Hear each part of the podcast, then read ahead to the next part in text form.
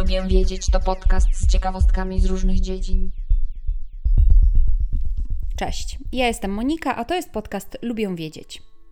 Ostatnio dużo się mówi o ogrodzeniu powstającym na granicy polskiej z Białorusią. Dużo jest na ten temat kontrowersji i chyba słusznie. Chociaż po przeczytaniu skrótu informacji na stronie na temat.pl o różnych murach powstających na granicach wielu państw, to okazuje się, że to nie jest żaden ewenement. Nie jesteśmy jedynym krajem, który się grodzi.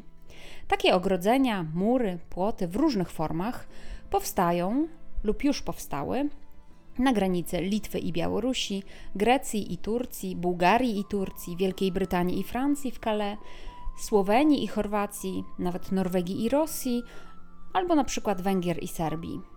Powstał oczywiście słynny mur na granicy USA i Meksyku, no i chyba najbardziej znany mur, który oddziela Izrael od terytoriów palestyńskich na zachodnim brzegu Jordanu.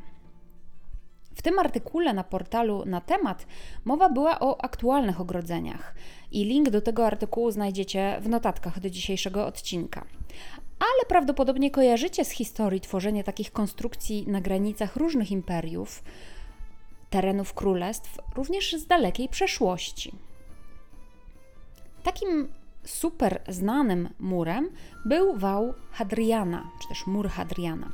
Taki wał obronny zbudowany przez Rzymian w latach 121-129 naszej ery, aby bronić tereny Imperium Rzymskiego przed wojowniczymi plemionami Piktów. Długość tego muru to 117 km, szerokość 3 metry, a wysokość od 5 do 6 metrów, więc to całkiem spory kawał muru. W założeniu konstrukcja miała utrudniać przemieszczanie się między południową i północną częścią wyspy, więc dodatkowo co 500 metrów rozmieszczono wieże strażnicze i co 1,5 kilometra niewielkie forty.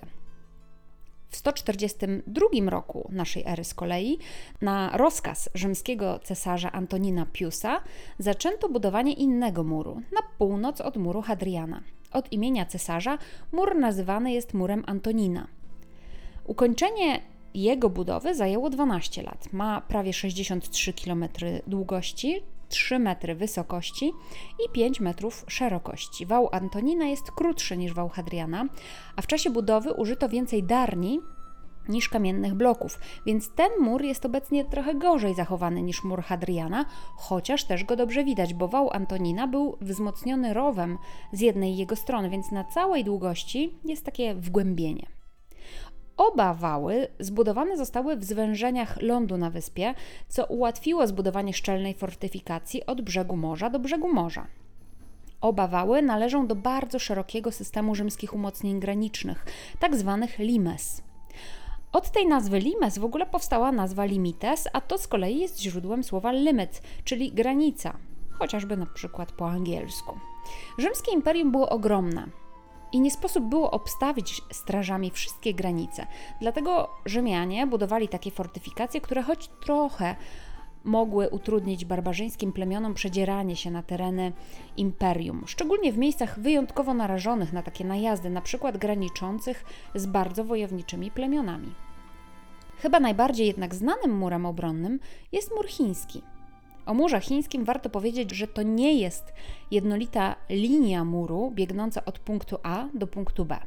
Mur chiński to taki system fortyfikacji, który się składał z naturalnych zapór, wałów ziemi, a także fragmentów kamiennego muru.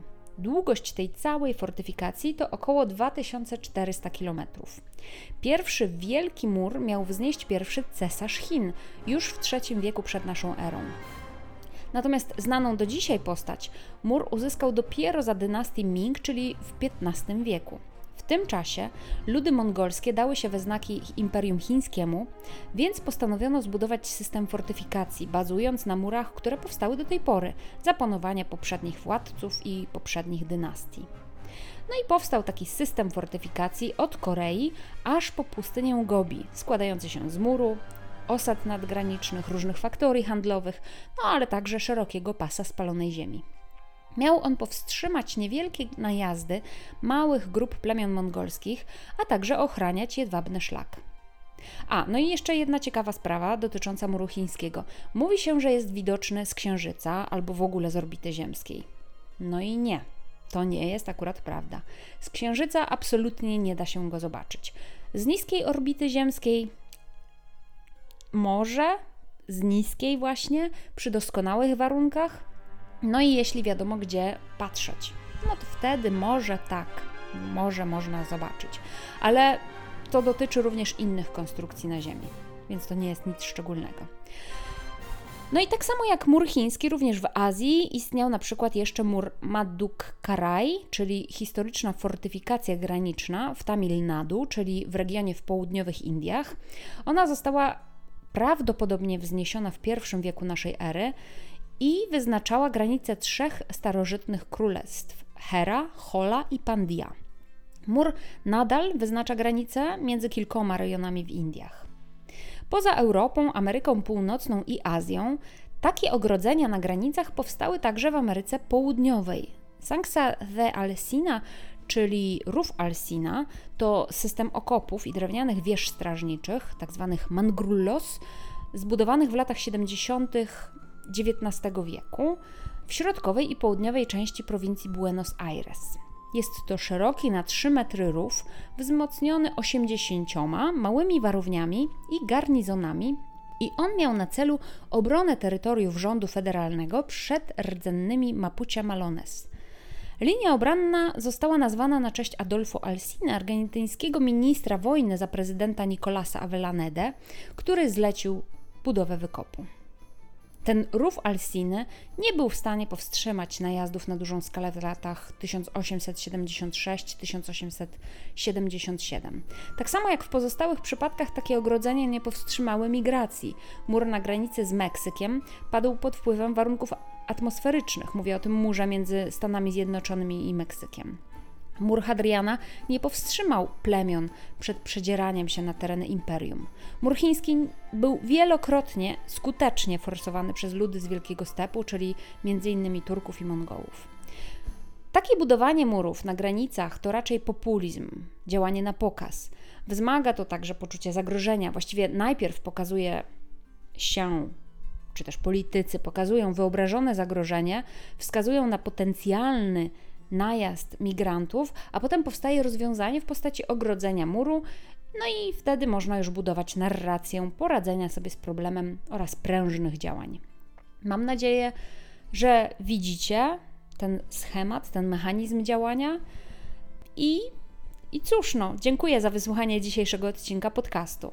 Zachęcam do subskrypcji, zapraszam na Instagrama Lubię Wiedzieć, gdzie dzielę się innymi ciekawostkami.